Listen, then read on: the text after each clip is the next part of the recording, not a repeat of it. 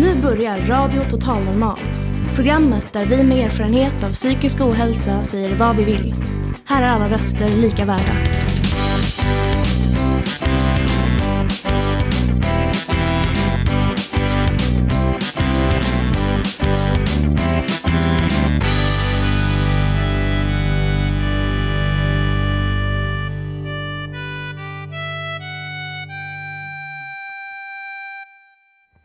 Hej och välkomna till Radio Total Normal, ditt psyke i etern.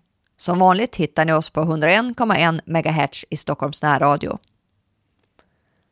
Dagens program kommer till allra största del att handla om psykos och är lite av ett specialprogram på temat. Vi har gjort ett långt reportage där några av våra medlemmar berättar hur det är att drabbas. Hur det är att leva med rädslan för att en psykos ska bryta ut och skammen och självstigmat som ofta följer efter och hur de har burit sig åt för att komma tillbaka till livet och få en fungerande vardag. Jag har även talat med Lena Flykt som är psykiater och docent med psykoser som forskningsområde.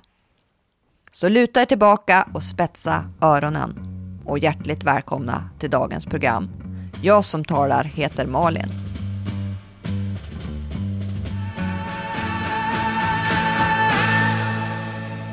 Ni hörde Jefferson Airplane med låten White Rabbit. Och dagens program kommer alltså handla om psykos.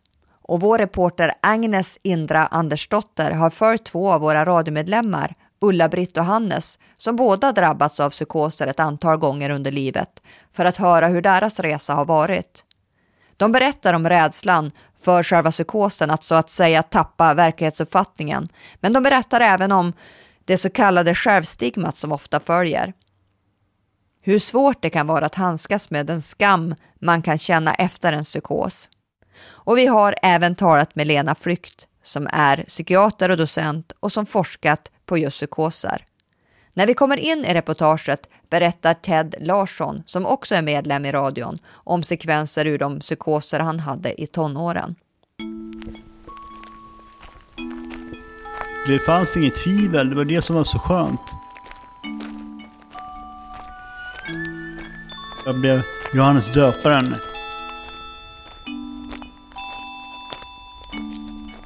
Jag gick till min lillasysters jobb och tog vigvatten och sådär, döpte henne. Och jag, jag, jag var honom i typ ett halvår. Så, eh, då, så jag fick väldigt glöd. Varenda blomkålshuvud såg ut som en hjärna. Liksom. Jag såg en fluga på den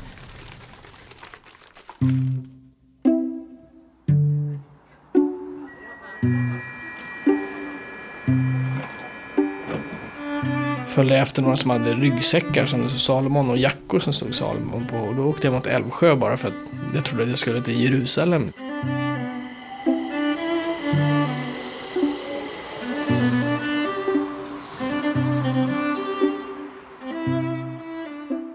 När man har ett ljus framför sig och det slocknar av någon anledning. Och nu tar livet slut. Så jag gick runt där i skogen och gick där med min lilla vandringsstav. Och... De väntade runt den där kröken och jag skulle haft en liten tillställning där.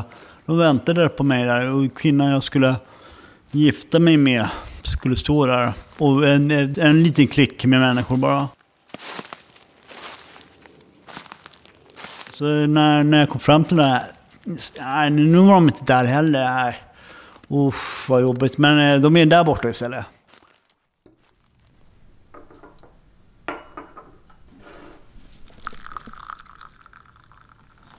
en drömvärld. Där skulle man liksom inte vara så där stela och man skulle kunna slå en kullerbytta på gatan utan att hela världen rasar samman. Inte, man behöver inte vara clown, men att om man beter sig lite konstigt så är inte det hela världen. Liksom. Att man vore lite mera öppen för möjligheten att leva liksom. För det, när du är full och när du är full och kanske orejäl eller har druckit jättemycket kan du bete dig jätteilla.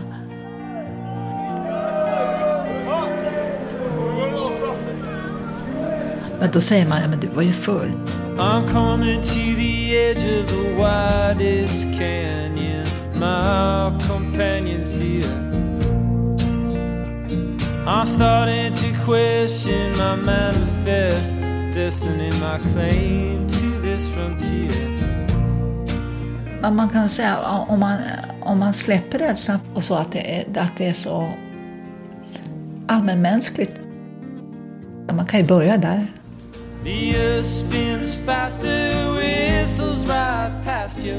Det är en plötsligt varm vårdag. Ulla-Britt och jag sitter vid hennes köksbord med solen som lyser genom de röda gardinerna. Och vi pratar om det som bland människor kan vara något främmande. Och som samtidigt idag är väldigt välkänt. Som att vi människor kan få psykos.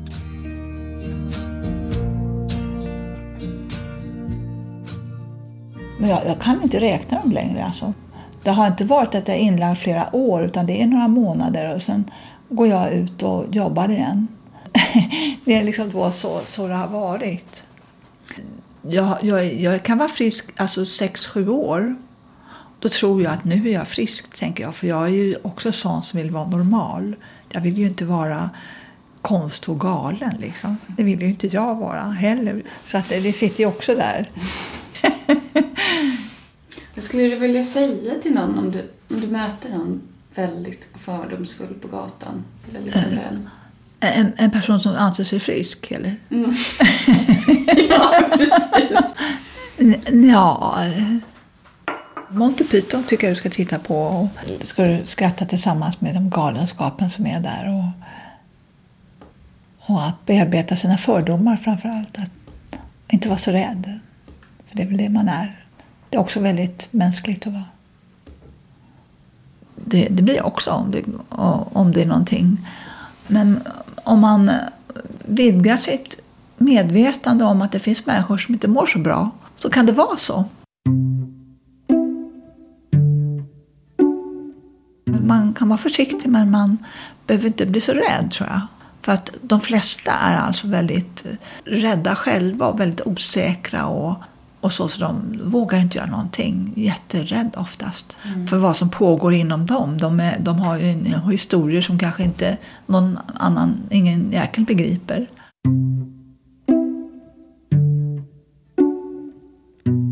Precis som alla lägen vi är i så är psykoser individuella och unika och kan innehålla alla känslor.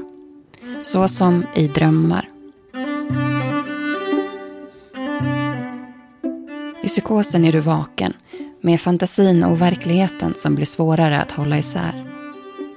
Kanske är du medveten om det eller verkligen inte alls. Kanske minns det du inte efteråt.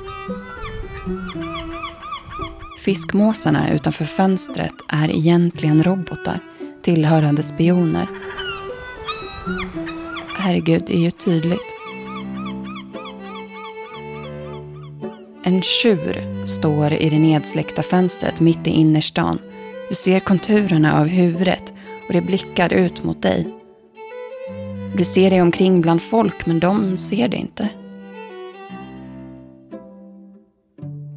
En man i rock förföljer dig sedan veckor. Och nu väller det in mängder av potatisar i köket. Kanske är det upplyftande.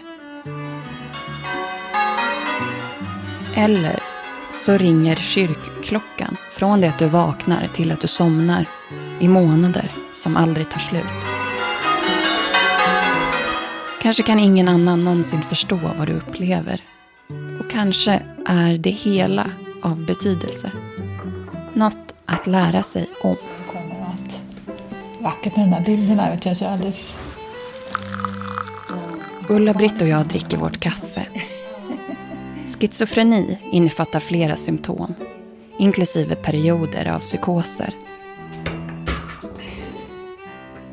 Året 1975 är Ulla-Britt 23 år. Hon sitter i ett rum mitt emot en läkare. Han har frågat om hon hör röster och hon har svarat. Han säger att hon är schizofren. Då hade jag varit på en, eh, en båtresa och jag hade blivit våldtagen där. Och när jag kom hem så var det ingen som frågade mig då. Och jag, fick, jag var i sällskap med en, en kille. Vi bodde ihop tillsammans då när jag kom hem. Och, och jag klarade inte det. det var kärlek och våldtäkt och båtresan. Och pappa var sjuk i, i sitt liv och i, och var en ganska dålig förebild. Han, han var inte psykologisk kan man säga. Han, var inte, han fattade inte saker tycker jag. Han var bra på många andra sätt. Men han, han funkar inte riktigt med sina barn sådär. Och fler, ja, två syskon som är sjuka också. Och det är ganska mycket hög procent i en familj. Så jag hade lite i bagaget. Jag fick bara medicin när jag var inlagd på sjukhus och så fick jag inte medicin under tiden. Det man är med om då, det, det, får ju, det bryter ut. Det bryter ut liksom. Då hör min mamma på mig att jag är lite knäpp. Och då kommer hon och tar med sig läkare och så kommer polisen och läkaren och knackar på dörren. För då säger, då säger mamma att nu får ni hämta henne. Och det är ganska dramatiskt för då, då tänker man vad har man gjort? Vad har jag? Är jag brottsling här nu? Då får man liksom tankar kring det. Och ja, det är hemskt. Det är hemskt. Jag förstår ju sen att jag har varit sjuk. Jag förstår att jag behövde komma in på sjukhus. Men, men det fattar jag inte då. Då är jag jätte... Och jag är väldigt aggressiv. Jag är helt klar över att jag kan spika en spik. Går här och filar på min lägenhet och rensar. Tycker jag, jag tycker jag är ganska normalt. Tycker jag. jag fattar inte att jag är sjuk. Mm. Jag fattar inte. Jag har inte sjukdomsinsikt. Hon hörde det på mig när jag var ute och cyklade sådär. Men jag kunde också vara så att jag övertalade henne att men jag är så frisk, jag ska göra det här och det här. Och, eh, och att man är så smart så man fattar då att det är någonting man ska undvika. Så, tror hon att jag är frisk liksom. Så, men det, poliserna har varit många gånger och hämtat mig. Så att man handfängsel på när och man beter sig ja, som om man är en riktig brottsling. Det, det, smyger sig på mig. Jag kan inte säga hur, hur jag blir sjuk utan det smyger sig på mig som en... Jag kan höra eh, när jag sitter i telefon så hör jag någon röst som säger men du ska ringa henne oftare. Och det, det kanske inte alls stämmer. Det kanske inte alls det hon vill. Eller du ska, du ska inte prata med henne eller honom. Och, och, och sånt där. Och då börjar jag liksom, då blir jag konfunderad. Det, det, jag fattar inte själv alltså, hur jag blir sjuk. När du hör en röst så, mm. är det som att du hör den i rummet eller att du tänker en tanke? Eller det är som jag hör den inom mig. Liksom. Och, och, jag vet ju att många människor hör ju röster och som tycker att det är en tillgång att prata med sig själva för sig själv. Liksom. Man gör ju det. Det är också. Och det är nog normalt att man har en diskussion med sig själv. Mm. Men om det kommer röster som säger så att du ska ta liv av eller du ska, du ska eh, ät inte det och ät inte och det. Och det har jag hållit på mycket. Jag har alltid haft lite svårt att greppa vad, vad folk menar när de säger att man hör röster. Mm. Röster som, är, som stör ens liv och som gör inte det eller ät inte det här för det betyder det och det. Det är liksom sådana här konstiga saker. Va? Då tycker man att man ska lyda det. Liksom. Och även fast det, det är osunt. Jag har upplevt sådana här krig inom mig själv. Som sitter och, det, det, det är några röster som bråkar inom mig själv. Och som, jag vet inte riktigt vad det är för jag, jag klarar inte att ta reda på det. Om till exempel när jag får självmordstankar när jag har psykoser så, så, så lurar jag mig själv och säger att nu eh, lämna in det. Det, det är ju något man säger när någon dör, att man ja, knallar runt hörnet och sådär. Man använder lite banala uttryck. Men jag blev jätterädd för hörn och jag går genast och lämnar in ett par skor till skomakaren då. För då tror jag att jag klarar mig så att säga. Då, då har jag liksom på ett barnsligt sätt för man, för man är barnslig. Man, man går ner, eller, eller man, jag ska inte säga man för det kan jag inte veta, men jag vet att jag själv blir barnslig och backar liksom till en trygg tid i mitt liv för att det är världen vänds upp och ner på. Att man kan inte skilja på verkligheten och fantasin. Eh, Vi hade en, en, en kär vän som fick hjärntumör. Och då gick jag in i psykos och såg varenda blomkålshuvud såg ut som en hjärna. Liksom. Jag såg en fluga på den här blomkålen. Jag tänkte att jag äter upp en hjärna här. Och, alltså det var jätteotäckt. Jag kunde inte äta blomkål alltså. Och, alltså det var det är som en mardröm. Det är som en mardröm när man inte har koll på någonting. Verkligheten förändras för mig. Så jag håller i en sten på sjukhuset för att jag måste hålla mig till någonting. Något som är eh, naturligt liksom.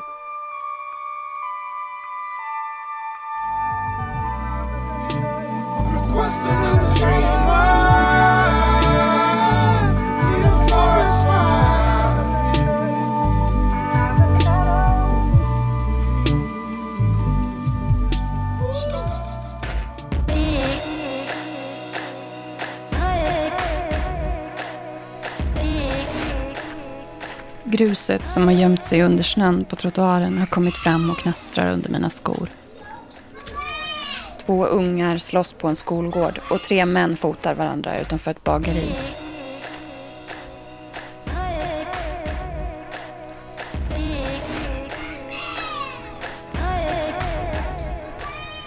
Hur det är bland det mest allmänmänskliga, både att vara rädd och att höra röster. Och att inför främmande upplevelser ibland tänka, va? Jag vet. Och se bort från vad man inte vet utan att märka det.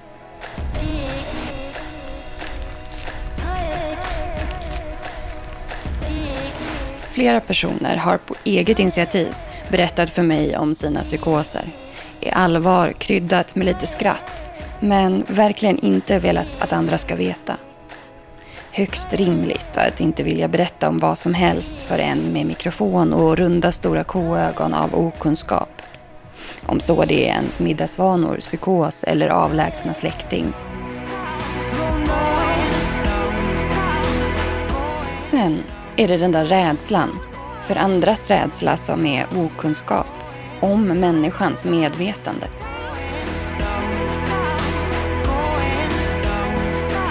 Det, ursäkta språket, jävligt magnifika med individuella upplevelser av alla nyanser som finns.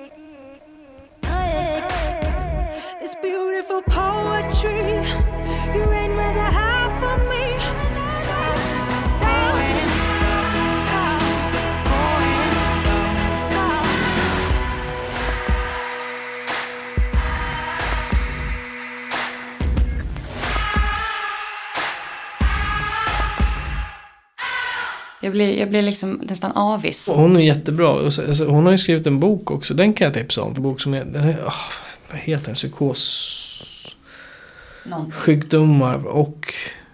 På en psykosmottagning träffar jag Hannes som jobbar där. Jag, ska kolla upp vad den heter så kan jag ge det till det. Och som också har egen erfarenhet av psykoser. Och han pratar om en bok. Men den, är- det är hon Maria Skott och sen är det Johan Kullberg och en till. Och de är lite häftiga. Jag tycker de har varit väldigt intressanta. Han Johan Kullberg, han, han sa ju en, en bra beskrivning på hur det är att vara psykotisk. Liksom, ja, men gå ut mitt i en mörk skog och ställ dig där. Och sen så kommer du börja fantisera om alla djur och ljud och, som du hör runt om. Liksom, efter ett tag. Och det är ungefär lite liknande från en psykos. Liksom, det där. Att man tolkar in, intryck. Mm. För mig var det ju jag kände mig nästan upphöjd på något sätt. Att jag var liksom hade fått någon, blivit utvald eller någonting. Jag kände mig väldigt speciell och liksom så här.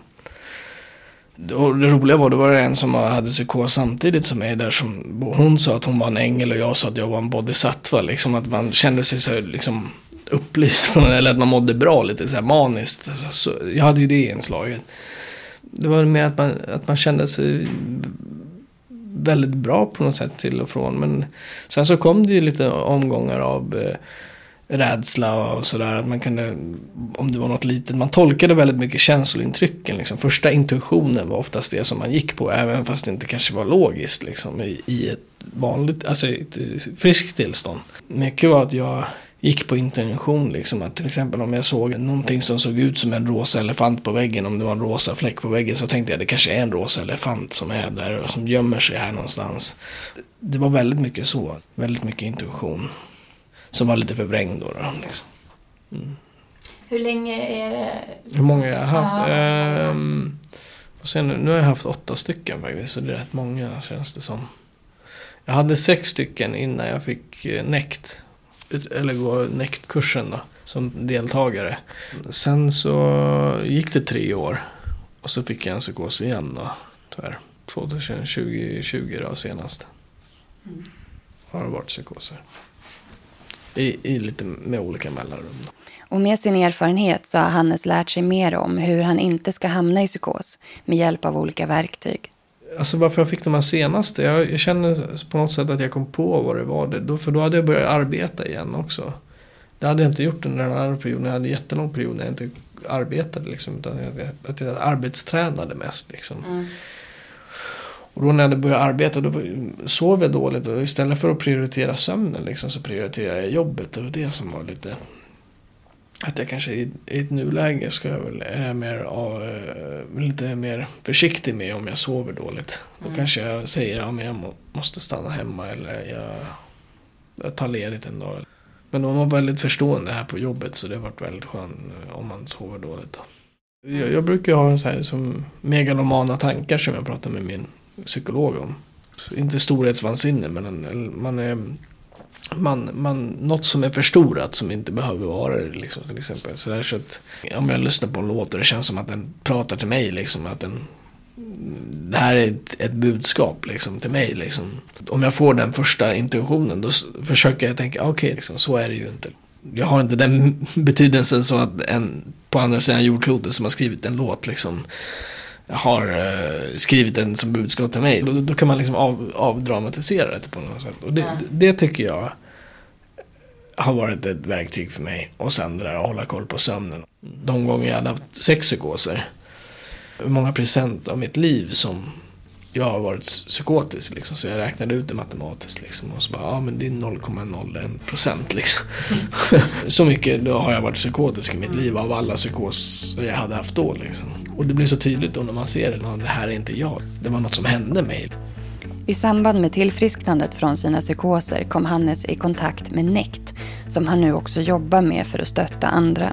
NECT är idag en erkänd framgångsrik metod som jobbar med olika former av pedagogik och terapi för att minska stigma.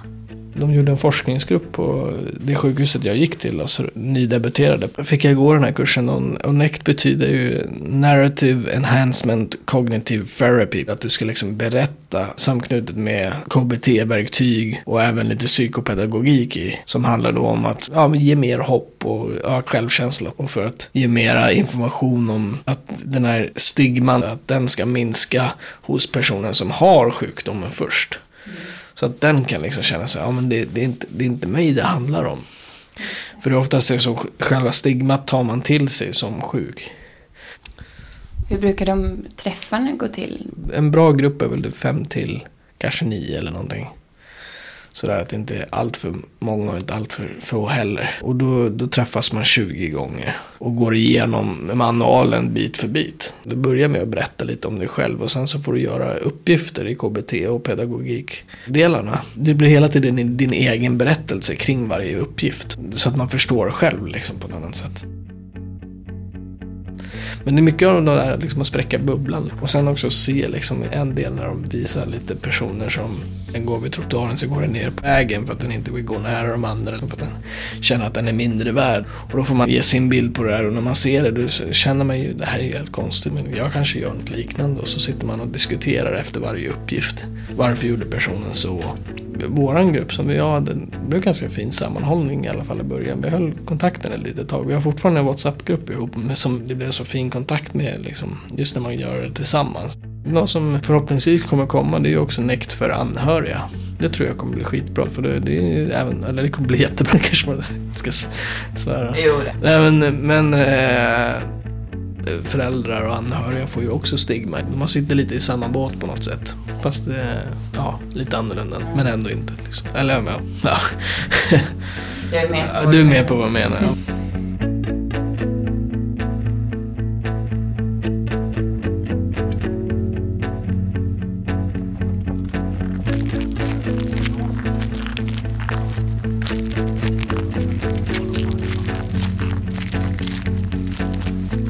Höra en inspelning av en intervju när Ulla-Britt och Hannes tillsammans intervjuar psykiatriken Lena Flykt som länge har forskat kring schizofreni. Hur det kan behandlas med antipsykotiska läkemedel men också vilken verkan psykosociala insatser kan ha. Jag heter Lena Flykt och är psykiater. Finns det nu gemensamma drag hos psykospatienter? Gemensamma psykoser så att säga, som, som jag tycker mig ha upplevt. Om jag tar ett konkret fall, man, eh, man upplever Gestapo och koncentrationsläger och sådana ruskiga grejer. Och det tycker jag det är fler som upplever sådana mardrömmar eller psykoser när man är, är, är så här sjuk. Precis.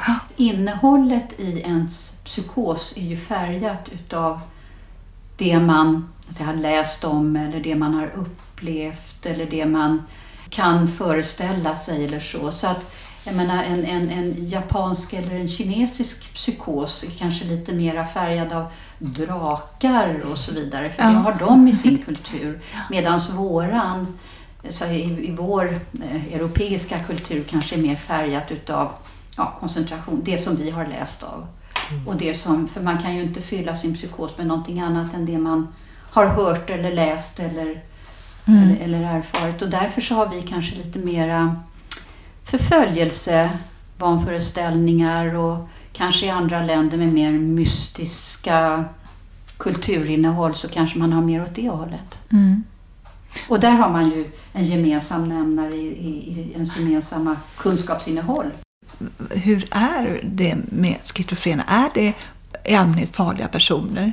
Det, det måste vi förtydliga inför Ja. många oss, och Eh, inför oss Och, själva. ja, det vet man att det inte är. Eh, för Man tittat på stora epidemiologiska studier Mm. som eh, innefattar många tusentals patienter. Man kan göra det via register och annat.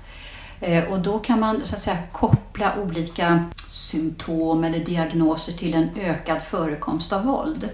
Och då har man sett att det förhöjer risken från 5 procent i den allmänna befolkningen till 8 procent om man har diagnosen schizofreni, vilket är icke-signifikant. Mhm.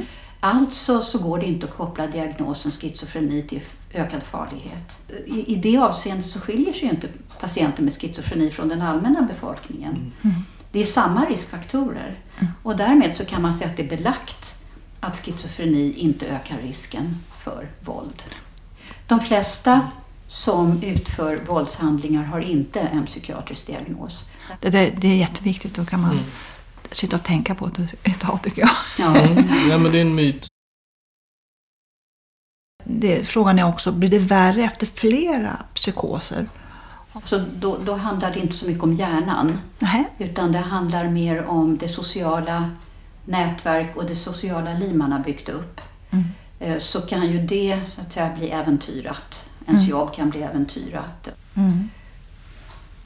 Är, det vanligt att höra röster?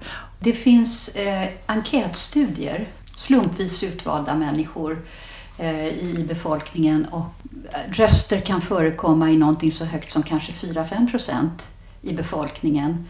Och eh, när det gäller patienter med psykos schizofreni så är det ju bara 1 procent. Så flertalet blir inte så kallade patienter.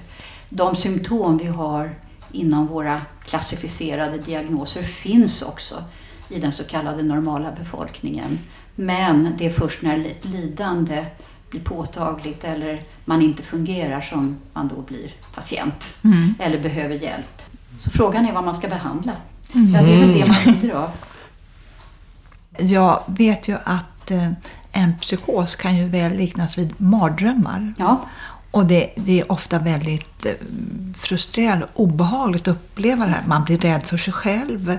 Det, det är och, och, väldigt obehagligt. Man vill inte prata om det här med någon. Ingen förstår vad man säger, vad man har varit med om.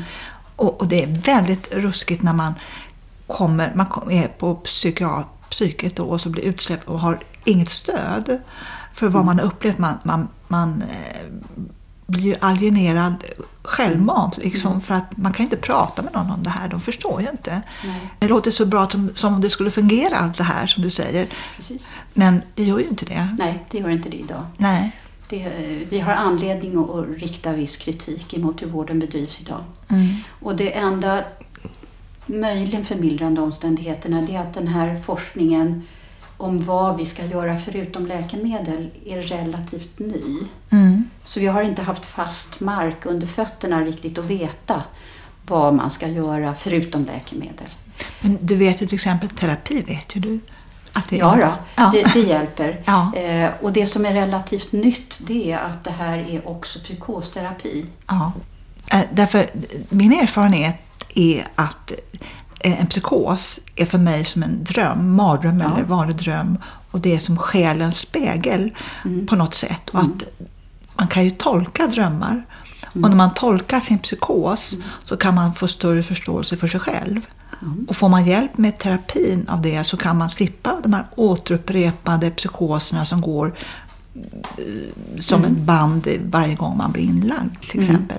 Att man bryter och förstår sig själv. Liksom. Ja, just det. Ja, oh ja. Och det du pratar om nu i, i min värld då, eh, är att man alltid, alltid till alla, speciellt nyinsjuknade, också ska ha psykopedagogiska insatser. Det vill säga att man pratar om vad som har hänt, varför det har hänt, vad, är, eh, vad, vad består denna sjukdom av? Vad är dess behandling? Och gärna inte bara med, med den drabbade utan också med närstående. Därför närstående är ju oerhört viktiga. Och om närstående kan vara delaktiga så minskar också deras börda eller deras lidande och så vidare. Eh, Så man ska definitivt prata om, om innehållet i, i psykosen. Ehm, mm.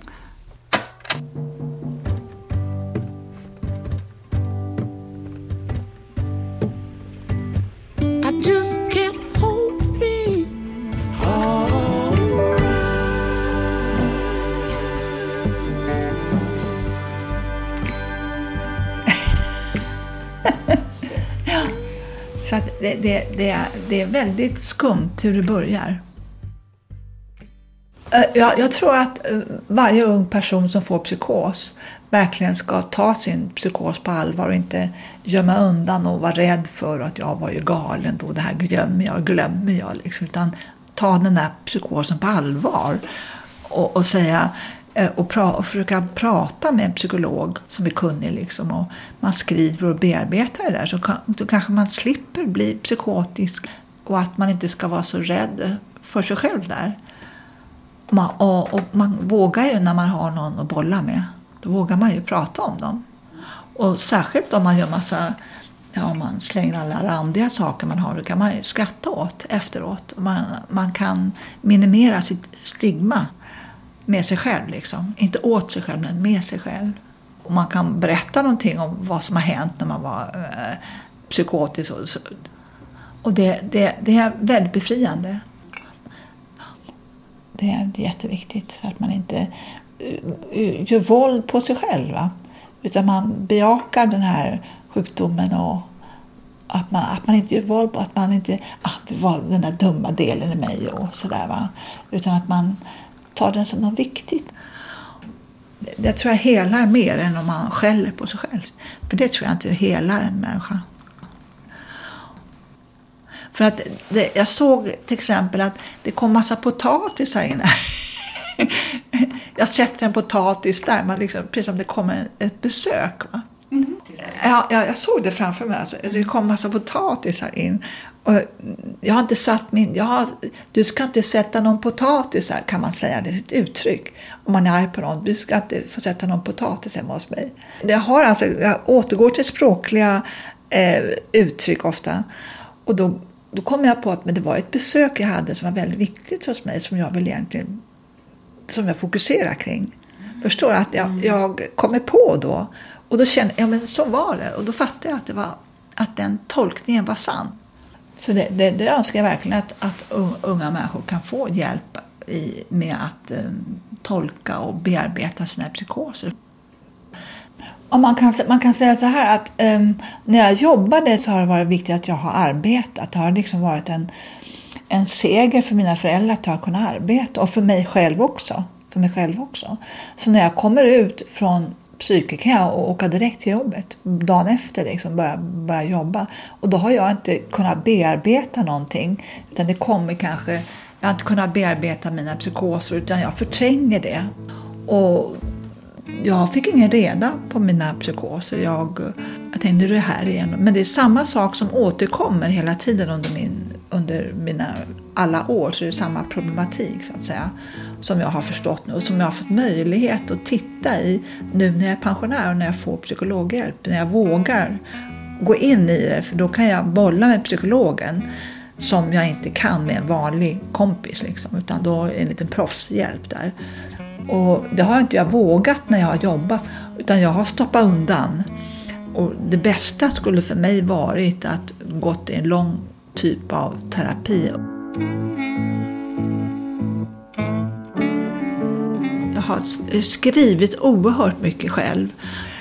Och sen har jag gått igenom det där för att jag ser att det finns en kärna av, av eh, vad ska man säga, av innehåll, av problematik. Liksom.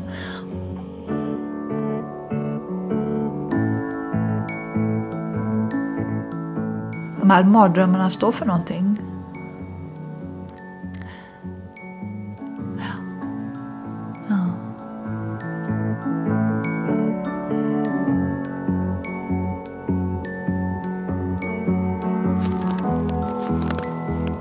Jag tänker på när Ted gick runt i skogen. Jag gick där med min lilla vandringsstav. Jag hade ju röstpåslag som utan dess like. Jag bokstavligen talat och slog på mig själv. Alltså jag satt och gav mig knytnävsslag i ansiktet.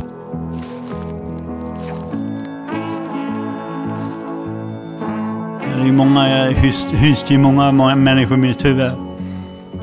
Ibland var det som ett sorg, sorg liksom så. Och ibland så var det riktade till mig och... Eh, men eh, sen ibland så var det inte det. Då träffades man någonstans så, så var det den här hemliga gruppen som, eh, eh, som jag inte än idag vill, vill prata om. Men eh, det var, nej, nej, det var ingen, det var ingen så här surprise kvinna som var ämnad för mig där inte. En väldigt splittrad människa.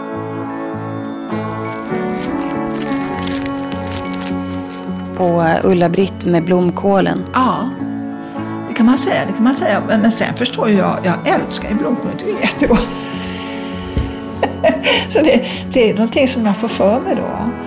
Och som jag lyder då. Det, ät inte det, ät inte det. Men alltså det är svårt att, jag tror, inte, jag tror det är väldigt svårt för de som är psykotiska att tala om hur det börjar. Jag vet inte, jag kan inte svara för andra men för mig är det väldigt svårt att jag kan ju komma på mig själv, åh den här vanföreställningen den här vanföreställningen eh, med, att, med blomkål, det, det, det går jag och köper blomkål, äter blomkål och protesterar liksom. ja.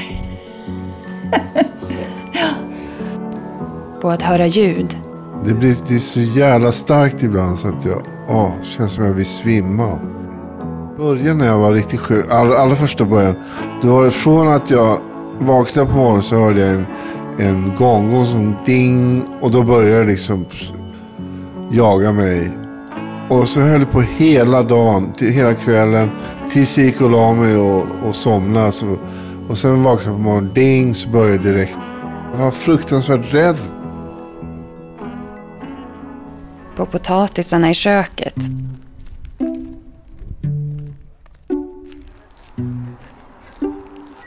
Och på när Hannes åkte till Älvsjö för att han skulle till Jerusalem.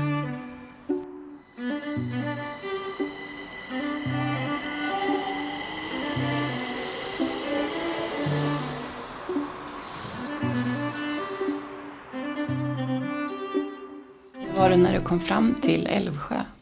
Ja, nej, men då, då upptäckte jag att jag hade åkt fel.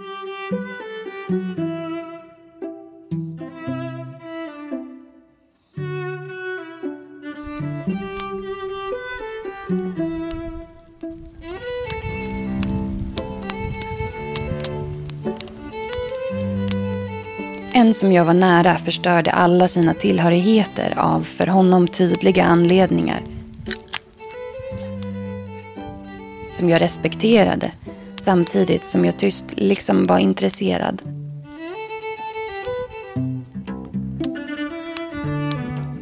Och sen gick allt för fort. Jag tänker på hur jag fortfarande respekterar det där med hela mitt allt oavsett vilken psykiatrisk titel de har.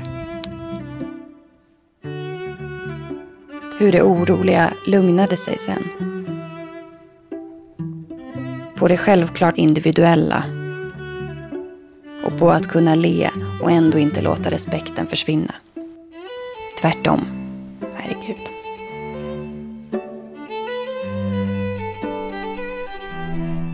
Och det är det som är livet ju. Och då, då får man ju med både det tragiska och det fina och det svåra och det som är bra. Om man tillåter sig det, va? så att man inte, eh, som jag då, tryckte ner psykosen och gömde det. Det är väldigt viktiga saker. Det är viktigt att, att, att, att ha med sig dem. Och de är dina och det, du är unik och liksom jag är.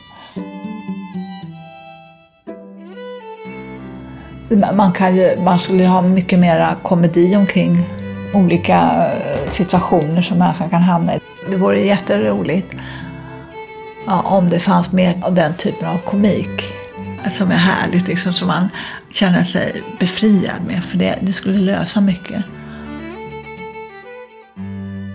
Jag ska vara snäll mot mig själv, så att man inte hackar, vet du, för, det, för det, det, det är inte bra. Det är inte bra, kan jag tala om. Ja.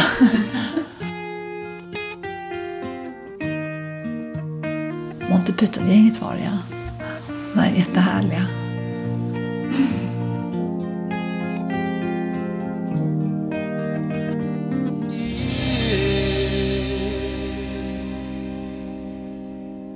Ni hörde låten Manifest med Andrew Bird. Och i inslaget hörde ni Ulla-Britt, Hannes Lidner, Ted Larsson och Lena Flykt. Reporter var Agnes Indra Andersdotter. Och vill ni lära er mer och veta mer om psykoser så kommer vi att lägga ut en längre variant av intervjun med Lena Flykt så småningom på vår hemsida. Så håll utkik. Vi ska gå vidare på ämnet psykos, men nu ur ett anhörigperspektiv. Ni ska nämligen få höra en inläsning av Felix där han berättar om sin mormor som hade en del vanföreställningar som liknade psykos och hur det var för honom som barn att vara med om detta. Jag är barnbarn till en kvinna som har varit med om förintelsen under andra världskriget. Min mormor Ada. Att vara en judisk kvinna i Polen under nazisterna var hårt och skrämmande. Man kunde bli angiven, utnyttjad, dödad för ingenting. Min mormor var tonåring under andra världskriget. I början av kriget skickades hon till Ukraina av släkten för att sedan efter Molotov-Ribbentrop-pakten vandra tillbaka till Polen till fots. Hon förfalskade sitt pass till icke-judiskt och fängslades i Wien för att slutligen hamna i ett koncentrationsläger, Ravensbrück. Jag undrar vad det gjorde med min mormor att leva så utsatt under de formbara tonåren med en omvärld som var så skrämmande farlig och människoovärdig. Jag minns min mormor som en rolig och glad tant som alltid var öppen för sina barnbarn och lät dem leta efter små skatter i hennes pärmar. Hon var en bra mormor som tyckte om att vara med mig och ville ta del av min värld. Hon kom till oss på landet och njöt av lövprassel och av att simma i sjön mest av oss alla i Holmsjö. Hon hade sämre dagar också. När hon frågade och frågade en massa konstiga frågor om och om igen och blev arg över svaren och straffade mig om jag svarade fel. Jag förstod ingenting och då klev andra vuxna in emellan oss. Hon var duktig på att manipulera. Ibland kunde hon prata till någon som inte fanns i rummet. Ibland kunde hon bli jättearg för att jag hade pratat med dem. Hon trodde att det fanns folk som förföljde henne hela tiden. Hon såg gröna gubbar på taket som pratade med henne och hon trodde att exempelvis folk som åkte helikoptrar uppe i luften pratade med henne från långt håll. Det här förstod jag allt eftersom jag blev äldre. Jag har känt en sorg över att hon har varit som hon har varit. Något måste ha gått sönder under andra världskriget i henne. Hon levde kvar i en paranoid värld. Jag har tyckt att det har varit enormt sorgligt att se henne ha den psykosen som hon har haft. Och all den ångest hon måste ha haft. Ibland när vi pratade kunde jag få känslor av tveksamhet om hon pratade med mig eller med en grön gubbe. Det har varit svårt att kunna kommunicera med henne eftersom hon hade flera sidor. Antingen kände hon för att vara med mig eller vilja manipulera en eller pratade med en annan person som inte var jag. Jag är tredje generationens förintelseöverlevare. Jag känner en stor sorg. Det är annorlunda för min mamma. Hon är andra generationens förintelseöverlevare. Hon står närmare det svarta hålet. Hon är inte bara sorgen. Hon är också arg. Delvis arg på sin mamma. Jag har aldrig varit arg på min mormor. Jag har känt en stor sorg. Långt senare efter att hon har dött så gjorde jag en film om mormors begravningsresa. Filmen heter Den udda begravningen. Att göra filmen har på något sätt känts helande. Jag har bearbetat en stor tung sorg över min mormors död som har hjälpt mig att kunna gå vidare. Filmen har också hjälpt många i min släkt att släppa sorgen över mormors liv och död och låta förlåtelsen få ta plats här i livet. Man går vidare.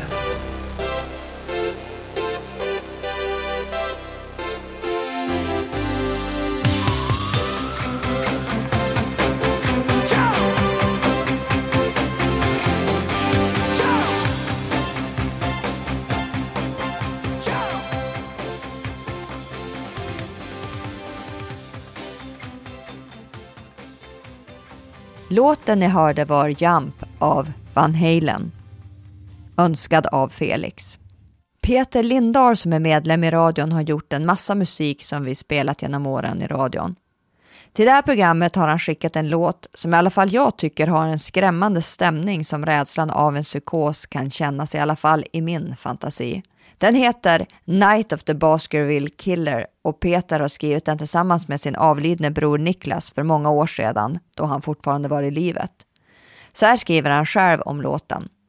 Först var den bara instrumentell, men så småningom satte jag ihop en text som kan sägas vara en kombination av den välkända sagan Rödluvan och en flicka som flyr för sitt liv från en våldtäktsman i den månbelysta natten, även om titeln kanske påminner mer om Conan Doyles berömda Sherlock Holmes-deckare, den om Baskerville-hunden. Den här versionen som ni nu ska få höra en del av gjorde jag för cirka 20 år sedan i samband med mitt experimentella musikprojekt In the Labyrinth, där Håkan Almqvist även medverkar på bas och indisk sitar. Skivan som låten kom ut på heter Dryad och lanserades av Record Heaven.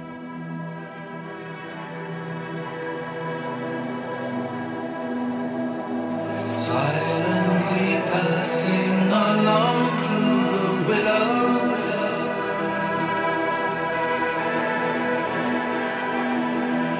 She ought not to on the night of the.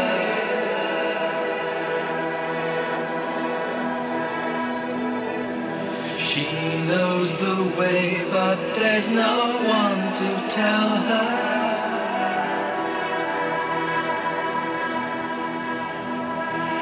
She ought not have gone to the misty moor on the night of the Baskerville killer.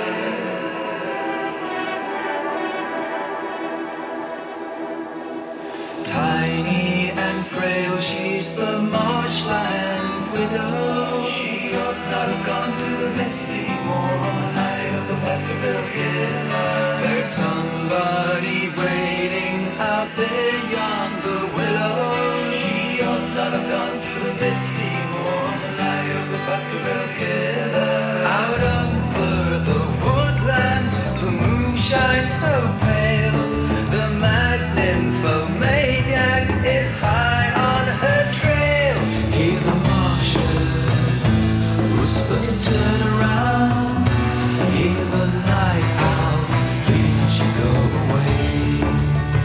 Even the banshee would have been spellbound.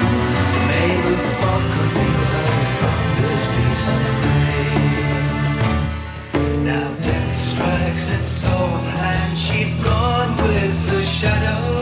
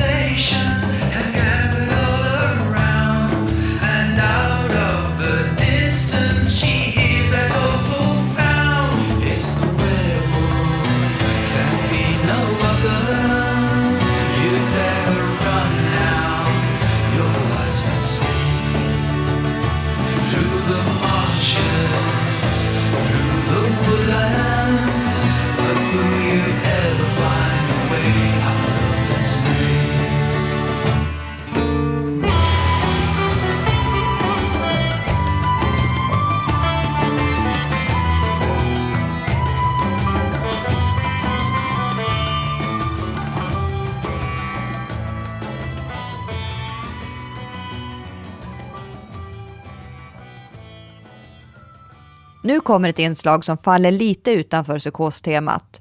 Det är Lilian som suttit hemma och filosoferat lite över psykvården genom tiderna. Varsågoda. Psykvården och synen på psykisk ohälsa har onekligen förändrats med åren.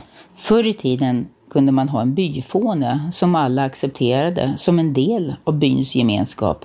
Hen var lite eljest som man sa, men hen var fortfarande en del av gemenskapen. Så småningom började man isolera människor med psykisk ohälsa på institutioner och då benämndes de dårar eller idioter. Var man våldsam kunde man bli lobotomerad.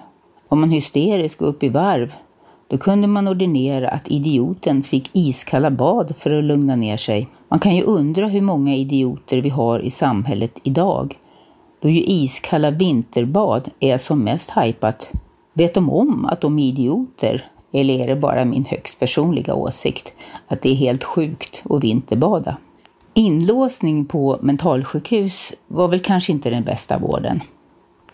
Inlåsning i sig är ju ingen vård. Och det var väl just den biten, alltså vården, som saknades.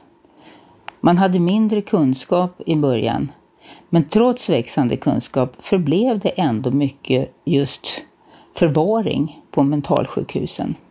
Dock, det fanns en poäng med institutionerna. Människor med psykisk ohälsa blev inte isolerade i sina hem. Utan mänsklig kontakt, med enbart sin ångest, depression eller psykos att umgås med. Många med psykisk ohälsa isolerar sig och förmår inte ta sig ut i samhället. Och i den här ensamheten så frodas den psykiska ohälsan och det kanske kan vara en större fara än institutionaliseringen. Medicinerna har förvisso förbättrats med tiden, men det är inte enda lösningen på psykisk ohälsa. Det är inte så att psykisk sjukdom är en schizokock som ska utrotas. Numer är det mycket fokus på mediciner vad gäller psykvården, men det är mycket sällan hela svaret. Människan är ett flockdjur och vi behöver både gemenskap och sammanhang. KBT har ju kommit starkt på senare år som en typ av terapi som anses väldigt kostnadseffektiv. Du får ofta tio gånger och sen ska du vara frisk. Lite väl optimistiskt med tanke på att många haft sin psykiska ohälsa i många, många år. Själv har jag prövat KBT och jag tyckte faktiskt att det hjälpte mot min panikångest på nätterna, men inte särskilt mycket mot min dagliga ångest. Förr kunde man lättare få terapi, vilket i många fall kan vara nödvändigt för att få bättre insikt i sina trauman innan man kan tillgodogöra sig till exempel KBT som i mångt och mycket går ut på beteendeförändringar. Idag vet jag inte riktigt vad psykvården är på väg. Men själv är jag tacksam för Fountain House, där jag varit medlem i många år och där jag har vänner och ett sammanhang och en meningsfull tillvaro på mina egna villkor.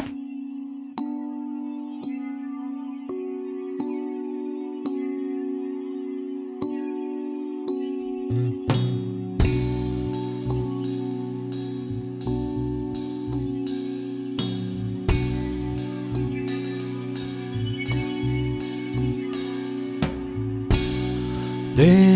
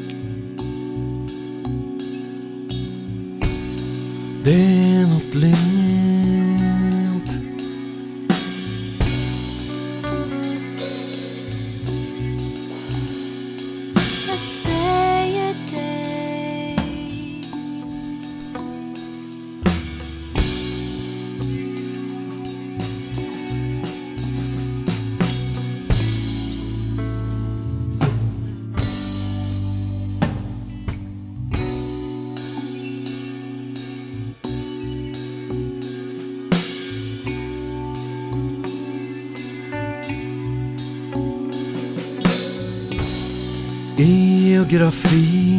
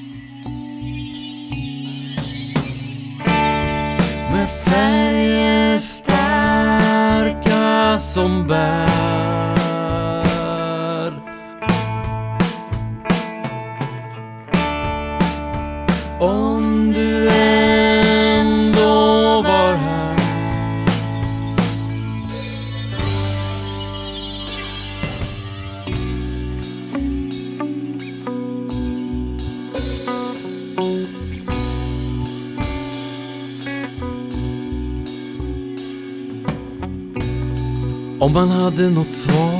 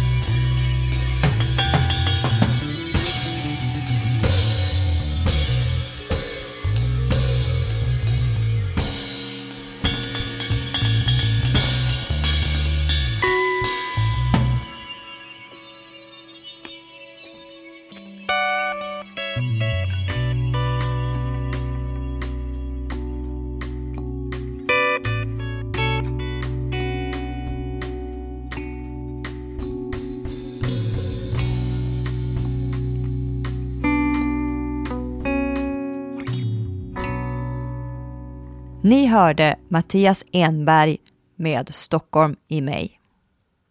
Och det var allt vad vi hade att bjuda på idag. Nästa sändning blir den 29 april. Missa inte den.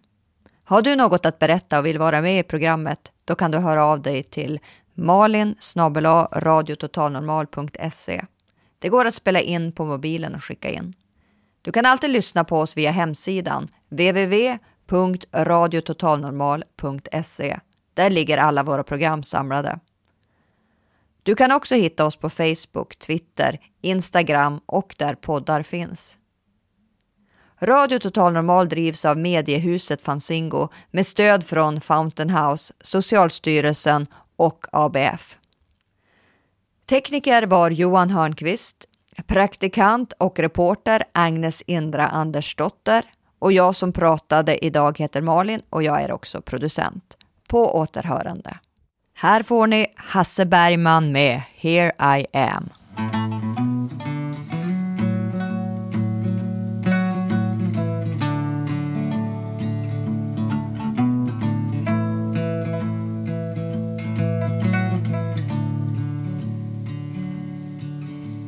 Left my home and my father's arms and I packed my bags in my mobile home of lonely when I'm driving down the road. Driving through a lot of countries and I challenged my fears and all my boundaries. There's so much that I had to figure out. Who am I? What I'm doing here? Just know what I had to leave behind. Mhm. Who am I? What I'm doing here? I look around to see what I've found.